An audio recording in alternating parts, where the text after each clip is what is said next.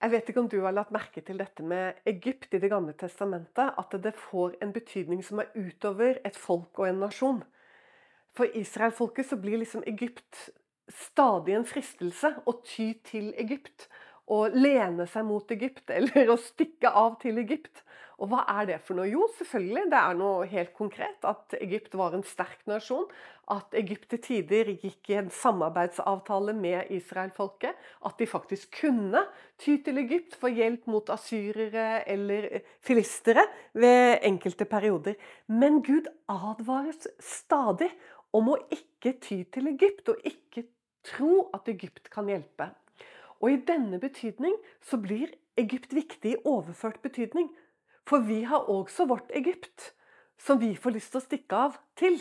Når ting blir vanskelige, når det blir tøft å stå for Guds ord, så får man lyst til å ty til menneskelig kraft og styrke og være litt lure og masse av dette her som jeg har talt veldig mye om. Men nå skal vi gå til profeten Jesaja, for der kommer det fram veldig tydelig eh, akkurat dette her som jeg prøvde å, nå, å si noe om rent sånn innledningsvis. Og det er i kapittel 30 og i kapittel 31 hos profeten Jesaja. Bare hør hvordan han åpner i det 31. kapittel. Det er et advarsel til Israel om å ikke ty til menneskelige løsninger, og ikke sette sin lit, lit til styrke. Det er ikke nødvendigvis bare fysisk styrke, men i det hele tatt styrke. Ved den som farer ned til Egypt etter hjelp og setter sin lit til hester og stole på vogner fordi de er så mange. Og på hestefolk fordi de er så tallrike. Men ikke vender sine øyne til Israels hellige og ikke søker Herren. Hører du? Dette her var jo noe som Israel stadig ble fristet til og faktisk gjorde. Så det er en advarsel som er helt konkret. Men den er også så veldig sånn i overført betydning viktig åndelig. For dette med å ikke stole på hester og vogner, det kommer jo i Salmenes bok også. Og da skjønner du at det ikke er ment konkret, men det er ment i overført betydning. Altså ikke sette sin lit til mengder, holde seg inne med, nettverk, sørge for at vi er store, mange, sterke. Dette her, å løpe med hester og vogner, må ikke være det, men kan veldig fort være det. La oss gå litt tilbake og se hva som står i kapittelet før. I 30. kapittel. For der kommer det egentlig også litt morsomt, selv om det er veldig alvorlig. Så står det i det syvende verset Aldri noen gang vil Egypt hjelpe. Det er, liksom sånn, det er akkurat som profeten bare vil banke det inn i hodet på israelfolket. ikke? Fordi de stadig vil ty til Egypt da, for å få hjelp når de skal stole på Gud. Og være stille og vente på ham så, så sier da Gud igjennom profeten Aldri noen gang vil Egypt hjelpe. Derfor kaller jeg, altså Egypt, storskryteren som sitter stille. Og så Gå nå inn, skriv det på en tavle i deres påsyn, og tegn det opp i en bok, så det kan være for kommende dager, for alltid og til evig tid. Hallo! Kan det sies mer tydelig? Det er liksom bare sånn Dette at Egypt ikke skal være til hjelp eh, det, Skriv det på en tavle, skriv en bok, få det opp, liksom. I alles påsyn, så det skal huskes alltid og til evig tid. Og det er noe som eh, kanskje er ekstra viktig i tider hvor det ikke er så lett å stå for å være en kristen og stå for Guds ord. Og man merker i vår tid så begynner det å smalne skikkelig til. Og vi skjønner, selv om jeg tror det er litt vanskelig for oss òg, men jeg tror i hvert fall mange av oss skjønner at det kommer eh, forfølgelse. Og den, den, er her allerede, men den kommer til å bli enda kraftigere. Og da må vi ha eh, den mat i ordet som på en måte utruster oss til å bli stående på tross av at vi får lyst til å, stikke av til Egypt. Vi får, lyst, vi får lyst til å bli lure. Vi får lyst til å, å liksom, skjønner du, ordne det til. Vi får så lyst. Men eh, da er det at Gud vil utruste oss gjennom ordet til å tørre å stole på Han. Hvordan er det at den kristne seirer? Hva er det Bibelen sier om det? Om seier for oss som tror? Det står i noen få linjer, faktisk. Så kan du lese det helt eh, bestemt og helt klart fra apostelen Johannes i åpenbaringsboken i det tolvte kapittelet. Så står det i forhold til anklageren, i forhold til Satan. Han kalles jo for anklageren. Satan er et hebraisk ord som betyr anklager. Og det er jo det som skjer når eh, de kristne kommer i problemer eh, i, et samfunn, inn i en kultur. Så er det jo nettopp anklageren som har fått mer makt i den kulturen, som gjør at de kristne blir trengt og kommer i problemer. Så sier Johannes at eh, han kommer på en måte Eller jeg vil heller si det sånn, det er jo ikke noe råd, dette her. Det er egentlig bare en påminnelse om hva vi har, og hva vi står i. Og så sier han dette at de har seiret over ham, altså Satan. De har seiret over ham i kraften av lammets blod og i kraften av det ordet de vitner. For å ta det første først. De har seiret over ham i kraften av blodet. Og da er vi helt nede på scratch. Da er vi nede på det som er grunnvollen, og som er eh, basen over trygghet. Det vi bygger på. Og det er at makter og myndigheter de blir stilt åpenbart til skue på korset når Jesus ble korsfestet, og hvor han der vant en evig seier. Hvis vi går til romerbrevet og til Paulus, så er det ganske fint, syns jeg, å lese hva Paulus sier der. For det ligner egentlig på det som, eh, på det som Johannes eh, sier. For det er, sånn, det er litt sånn seiersspråk. eh, og han sier det Han sier det ganske langt ned i, eh, i dette kapitlet. Så kommer han med disse kjente ordene. Hvem er den som fordømmer? Husk altså Satan betyr anklager. Hvem er den som fordømmer? Kristus er den som er død, ja, hva mere er, som også er oppstanden, som også er ved Guds høyre hånd, som også går i forbønn for oss. Hvem vil skille oss fra Kristi kjærlighet? Trengsel eller angst eller forfølgelse eller hunger eller nakenhet eller fare eller sverd? Og det er så fantastisk. Og så fortsetter han, og så sier han dette, som skrevet er, for din skyld drepes vi hele dagen. Vi er regnet som slaktefår. Og det, Hvorfor sier han det? Eh, det er veldig dramatisk ord. Men husk at Paulus han, han virker i en tid, og faktisk også så virker han parallelt med keiser Nero. Sånn at eh, Han lever i en tid er, hvor forfølgelsen av Guds menighet er på topp. Den er helt maksimal. Sånn at hver dag så er deres liv, eh, slik han sier det, regnes som slaktefår. Sånn at eh, Vi lever jo ikke i en sånn situasjon, men allikevel dere, dette med blodet. Det kan ikke understrekes nok. Johannes sier også noe mer. Han sier at vi har seiret over ham i kraften av det ord vi vitner. Og da kan tankene våre gå litt sånn forskjellige retninger. Men jeg tror vi gjør veldig lurt i å gå til den samme apostelen, nemlig Johannes, men nå går vi til brevet hans. For de åpningsordene som kommer der, der er det at han sier noe om det ordet vi vitner, nemlig om Kristus, og hva det ordet er. Og hør her hvordan han eh, uttrykker seg. I det første kapittelet, eh, helt i begynnelsen av sitt brev, så sier han det som var fra begynnelsen, det som vi har hørt, det som vi har sett med våre øyne, det som vi har skuet og våre hender følte på. Utrolig. Om livets ord. Og livet ble åpenbart, og vi har sett det. Og vitner og forkynner dere livet, det evige, som var hos Faderen og ble åpenbart for oss. Eh, du, dette er eh, fantastiske ord, og det er en av mine ja, Hvis det går an å si at man har yndlingsord liksom, i Det nye testamentet, men, eh, for de er det så vanvittig mange av.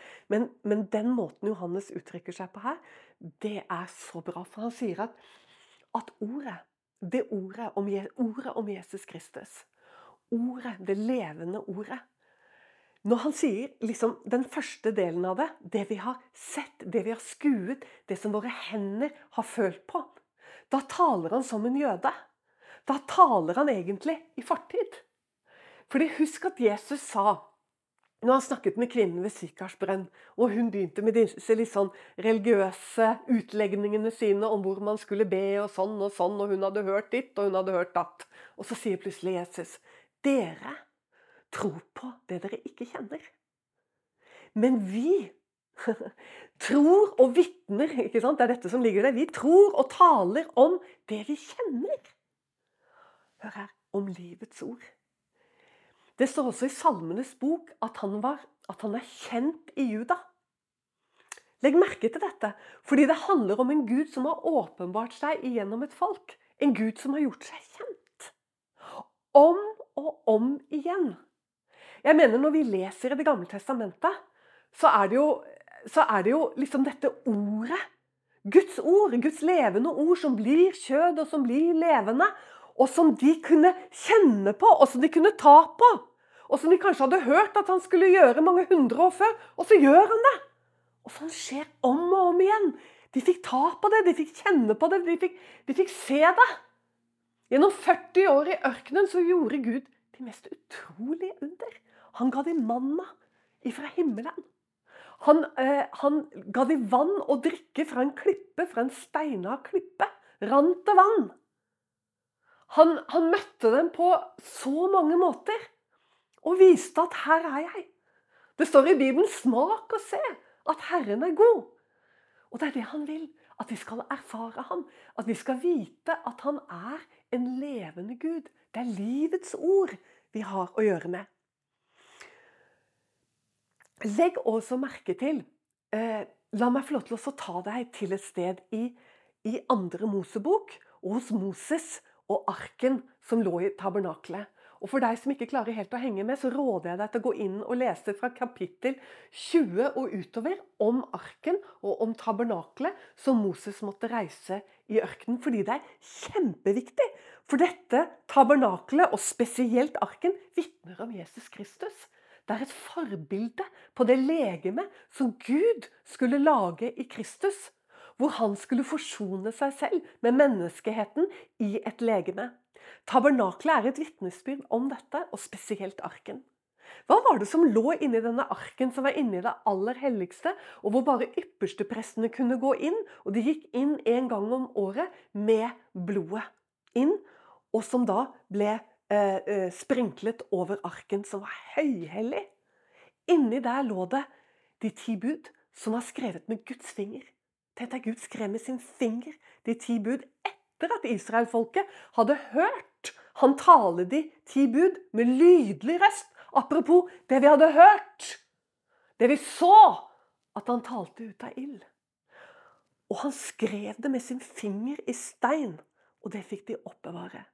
Og så sa Gud til dem faktisk før steintavlene at de skulle ta mannen som kom ned ifra himmelen fordi de ropte etter mat i ørkenen. Hva skal vi ete? Hva skal vi spise? Hvor er du, Gud? Du som ledet oss ut av Egypt. Du som kløvde vannene. Hvor er du hen? Hallo. Egentlig så tenker jeg, er det nødvendig å mistvile Gud, som har delt Det røde hav og latt deg gå igjennom? og fikk lov til å oppleve det. Hør her, alt dette handler om den Gud vi kjenner. Jesus sa vi taler om det, og vi tror på en Gud som har gjort seg kjent, som vi kjenner.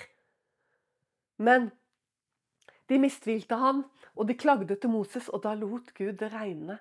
Regne ned manna. Et spesielt lite eh, Hva skal du si? Han lot det komme. Det så ut som koriander, står det faktisk i Bibelen, mener jeg. Eh, og det var hvitt, og det var litt sånn melaktig sikkert på en eller annen måte. Ikke vet jeg åssen det så ut, jeg tror ikke jeg skal prøve meg på å beskrive det heller. Men det er jo fantastisk. Dette, dette ble de mett av. Dette levde de av hele tiden mens de var i ørkenen. All den tiden det tok å komme inn i det landet som fløt av melk og honning. Apropos, apropos den Gud som er virkelig og levende. De åt av denne mannen. Derfor fikk de beskjed at de skulle legge en gullskål skulle legge mannen inn i arken. Og så vet vi senere at det ble krangel. ikke sant? At, hva er det Aron er fremfor oss andre? Det var levitter som reiste seg mot presteslekten, som var Aron. For han var satt til å være prest. ikke sant? Dette er viktig. For dette med prest ikke sant? det kommer tilbake igjen i Det nye testamentet. At vi som har tatt imot Jesus Kristus, er gjort til prester for Gud. Så dette var kjempeviktig, nemlig det som er født av Han. Det, så det nyttet ikke å komme der og begynne å kjempe med Aron. og så, liksom, Hvorfor kan ikke like godt vi være prester? Nei, du kan ikke det. Fordi, eh, jo, det kunne du sikkert vært. Men saken er at det er det Gud har utvalgt. Det er alltid sånn. Vi kan ikke ta oss til noen ting i Guds rike. Det er Gud som utvelger. Det er Gud som kaller. Vi kan ikke sette oss i noen posisjon. Om du skulle tenke at du, å, jeg skulle ønske jeg var forkynner, liksom. At jeg kunne, så det tror jeg nå skal jeg begynne med det, liksom. Det er jo fånyttes. Ingen av oss kan sette oss i noen som helst øh, posisjon. Det vi har, det har vi fått. Og, og, og vi har ingenting annet å gå med enn det vi har fått. Men de gjorde opprør. De ville ha Arons tjeneste fordi liksom han, ikke sant, presten med denne kledningen, og hans barn skulle overta etter han og sånn. Så ble opprør, rett og slett. Og da var det at eh, Gud ba Moses om at alle disse stavene som han skulle samle inn fra hver stamme, og, også, og det var overhodene for hver stamme som skulle komme med sin stav. Overhodene. Og Aron som overhode for levittene kom med sin stav. Og de ble lagt inn for Guds åsyn inne i tabernaklet. Og neste dag så hadde Arons stav Den hadde både eh, gitt blader, den hadde gitt blomster, og den hadde eh, eh gitt frukt, i betydningen her mandler. Mandel. så fantastisk. Så Arons stav ble et vitnesbyrd om det som er født av Gud. Det ble et vitnesbyrd som skulle inn i arken. Det lå inni der. Kan du tenke deg? Der lå mannen. Der lå denne staven som hadde blomstret. Der lå steintavlene. Og alt dette her er det Gud som har gjort. Det er vitnesbyrdet om Han. Og så er det også vitnesbyrdet om Kristus. Både som dommer og som frelser. Gjennom steintavlene og gjennom livets brød og gjennom prestetjenesten. Han som er vår ypperste prest. ikke sant? Han som ga sitt liv for oss. Så det som ligger i arken, det vitner også om Jesus Kristus, Jesus Messias, han som skulle komme. Så her har du på en måte Johannes og det første kapitlet og det jeg forteller deg fra arken og tabernaklet. Det er vevd sammen. Og det fortsetter gjennom hele Bibelen. Han er den Gud som er levende. Vi snakker, vi, vi taler livets ord. Og så sier Johannes som ble åpenbart. Dette ordet om Messias gjennom hele Gamle testamentet, som kom i tidens fylde og ble eh, kjøtt og blod. Så eh, det er så viktig at det vi har med å gjøre, det er, det er så til de grader erfaringsbasert. Har du tenkt over det? Vi tenker ofte på liksom Kanskje ikke så mye vi som tror, men i hvert fall de som står utenfor og ser inn. Og det vet jeg litt om, for det har jeg gjort, også i voksen alder, før jeg ble frelst. Og når jeg så på de kristne, så var det liksom for meg at det var noen som bare hadde bestemt seg sant, for å tro på det. Og ja, jeg så på det jo som litt sånn barnslig, nesten. At man Fordi man ikke forstår, simpelthen. Og tenk, og tenk hvordan man har kjempet imot den kristne troen.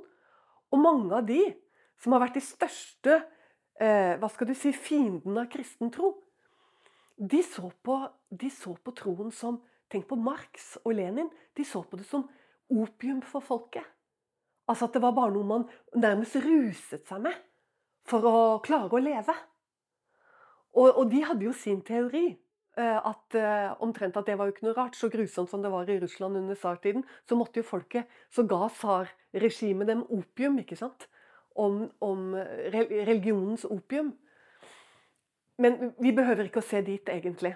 Men det er interessant, fordi at de kalte eh, det de ville innføre, nemlig for vitenskapelig ateisme. Og, og, faktisk så er det, hvis du ser hvordan de gikk fram, og sånn og sånn, så er det ganske mye som ligner på mye av det tankegodset som holder på å, eh, eh, å vinne terreng i vår kultur. Men nok om det. Men vitenskapelig ateisme Mange ganger så tenker jeg at vi har misforstått litt. Og, og, og, da mener jeg de som ikke er troende, og som ser på den kristne tro, eller på Bibelen, bibelsk tro, så ser de på en måte ikke den erfaringsbaserte, levende Gud. Kanskje har vi litt skyld i det også. Det, det kan godt hende. At vi ikke er flinke nok til å på en måte være vitner og fortelle om hva Gud og de gjerningene, de store gjerningene han har gjort, rent bibelsk, gjennom hele historien med sitt folk, men også hva han har gjort i ditt liv. Og hva han har gjort i mitt liv. Altså, det er en erfaring med Gud. Og da får også forfatterne av Hebrebrevet helt rett i det ellevte kapitlet. Det er overbevisning om det som ikke ses.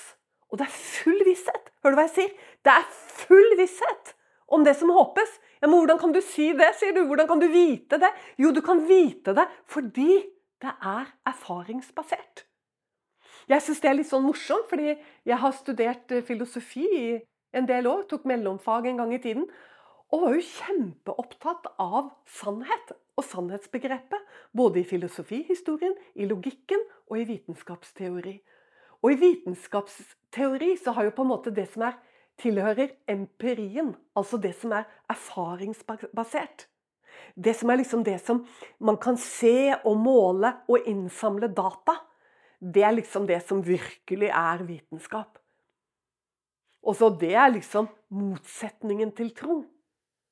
Men eh, dessverre. Tro er eh, Ja, det er å vandre i beskuelse. Det er helt sant. Vi vandrer ikke med noe vi ser for våre øyne, sånn sett. vi vandrer i beskuelse. Men det har med håpet. Det har med det håpet som er foran oss. Men, det, men erfaringen av at Gud er levende, erfaringen av at Hans ord er sant, det er helt virkelig, og det er helt etterprøvbart. Det er det som er så fantastisk. Så sånn sett er det ingen konflikt for meg eh, med vitenskap. Jeg pleier å si det sånn, I den grad vitenskapen snakker sånn, så vil den aldri kollidere med bibelsk tro. Så der er det jo ennå to veier, og som en dag, slik jeg ser det, kommer til å møtes. Fordi det ikke er det som er sant. Jesus han var veldig tydelig på det. At det han talte, det var sannhet. Han sa til og med det at hver den som er av sannheten, hører min røst. Og da hører du at han sier mye mer enn det. For da sier han plutselig noe annet også.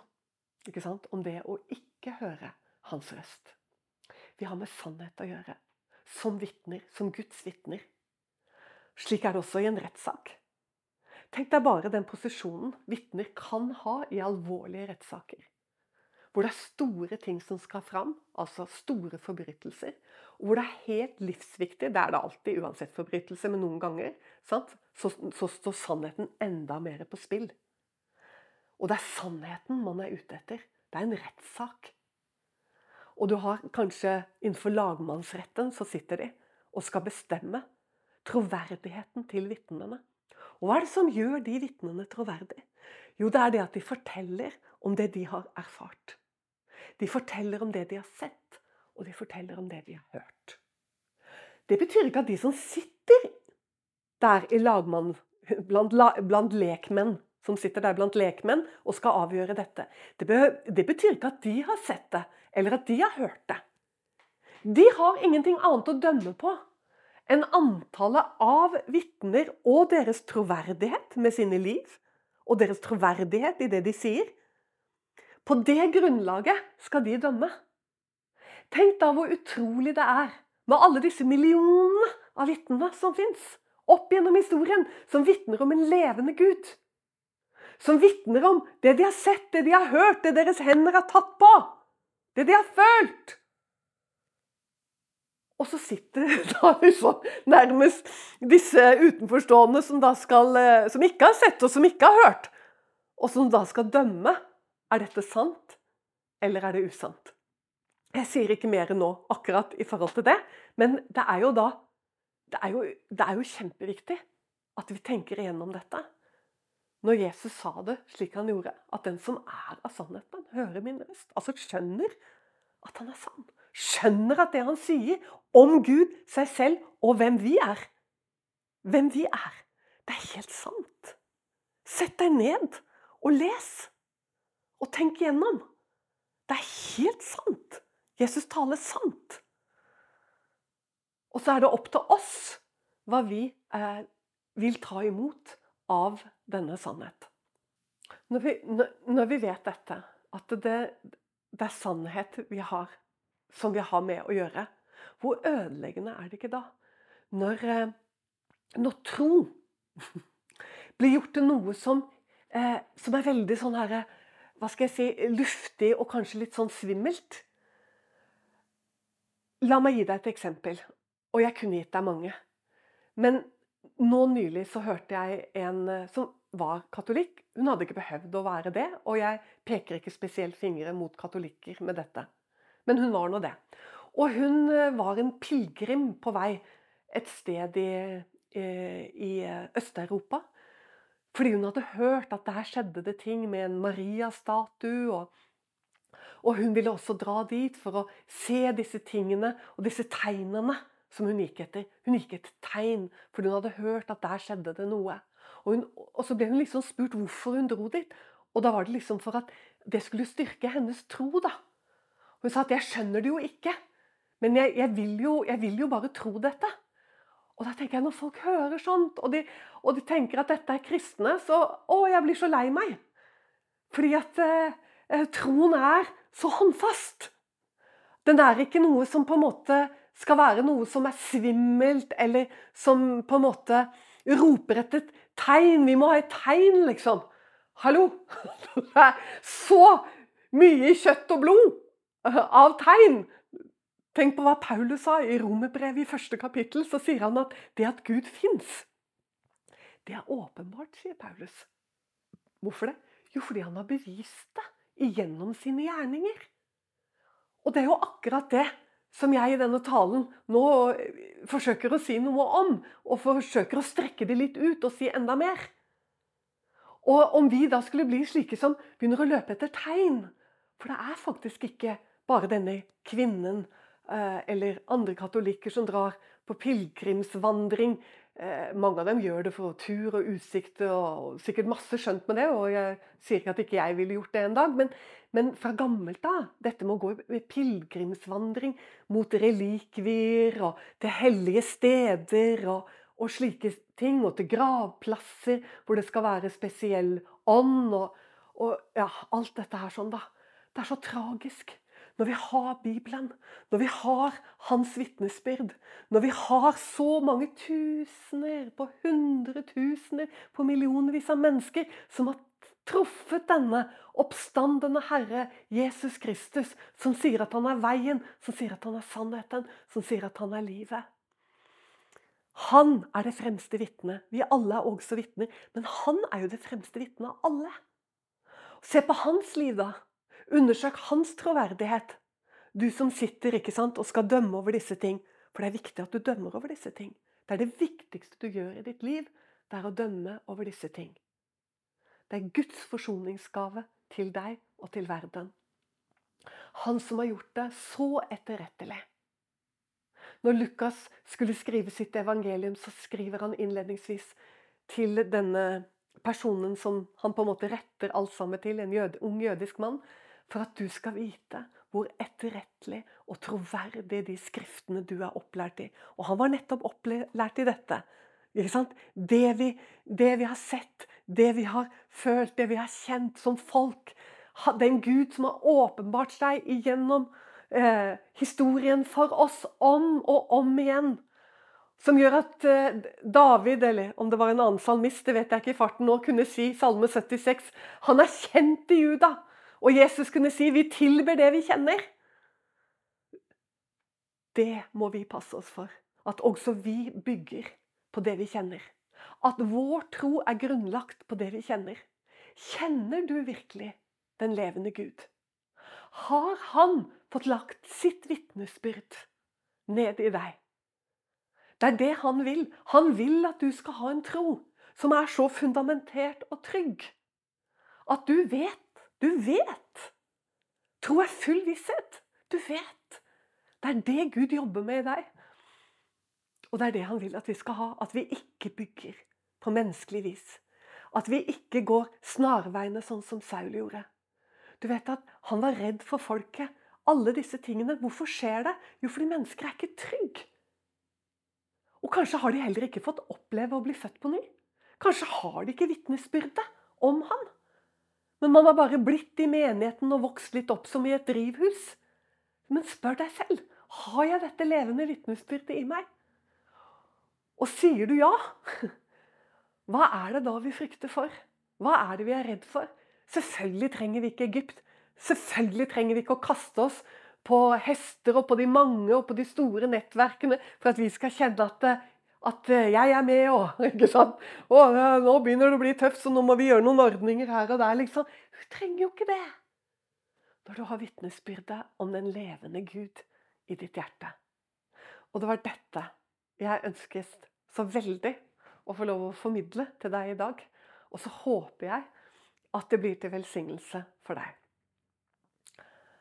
Og til avslutning, og nå er det jo ganske lenge siden jeg har spilt inn eh, tale hjemmefra, men eh, det er fint å avslutte på den måten å si Gud velsigne